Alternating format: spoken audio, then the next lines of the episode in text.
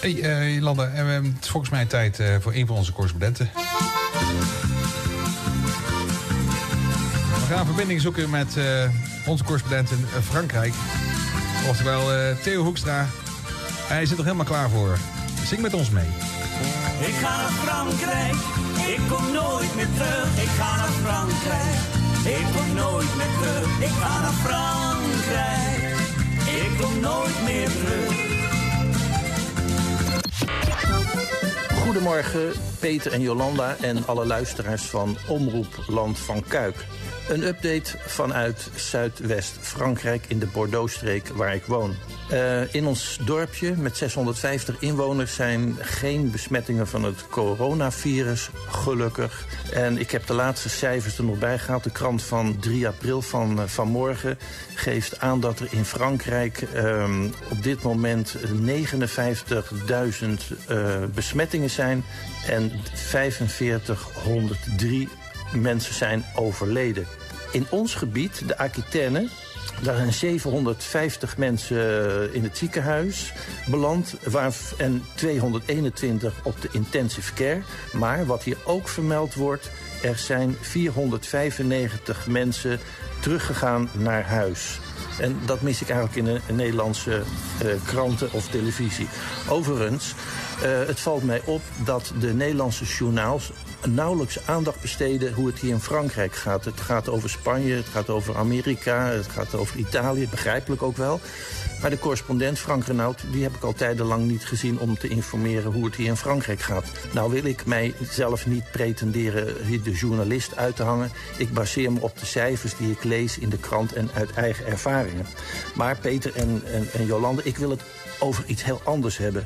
Een crisis die al 18 maanden hier duurt. En dat heeft te maken met het volgende. De Bordeaux-wijnstreek die levert 5 miljoen hectoliter wijn per jaar. Er is uh, 4 miljoen uh, hectoliter verkocht. Er is dus een overschot en dat drukt ook de prijs. Dan komt er nog bij dat de Amerikaanse president Trump een tax incasseert van 25% op de wijnen die naar Amerika gaan. De, de hele handel met China ligt nu op dit moment stil. Coronavirus speelt daar natuurlijk ook mee. En wat natuurlijk ook heel erg uh, meespeelt, dat is hier de opwarming van de aarde. Het is niet de eerste keer dat uh, hagelbuien de totale oogst in uh, augustus verwoesten. En nu hebben we de, een koude periode. De hemel is helder, de nachten die zijn koud. En tegen een uur of zes, dan is het hier op zijn koudst. En wat doen die wijnboeren dan?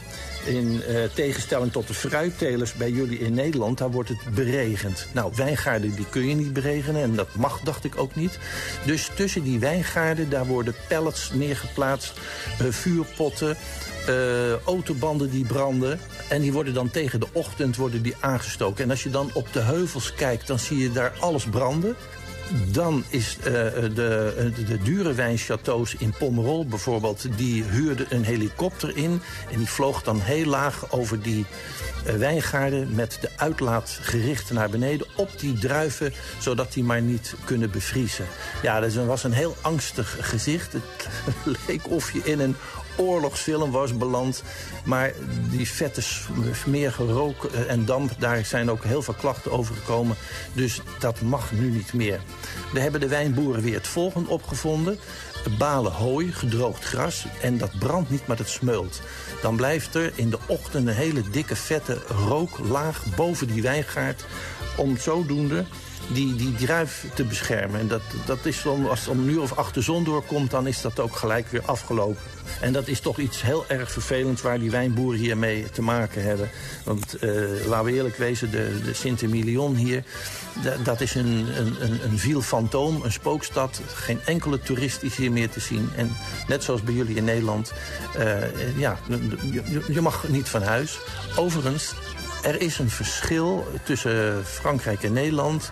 Wij worden verplicht thuis en jullie worden geadviseerd thuis te zijn. Wij mogen het huis alleen uit om boodschappen te doen. Daar moet je een formulier voorbij hebben. Dat heb ik in de vorige uitzending, dacht ik, ook al verteld. En we mogen één uur per dag naar buiten met een papieropzak waarop staat uh, hoe laat je van huis vertrekt. En dan dacht ik dat de controle hier nog niet zo streng was. Maar de bakker vertelde me vanmorgen ook hier is gecontroleerd door de gendarmen. Nou, dat was even een update van uh, Frankrijk. Ik wens jullie hele mooie uh, komend weekend. Blijf vooral thuis. Dat doen wij ook. Geniet in die tuintjes zover het kan van de zon. En we spreken elkaar binnenkort weer. Aan alle luisteraars van Omroep Land van Kuik het allerbeste en graag tot ziens. Overwaar. Dit is Linders en Linders Live.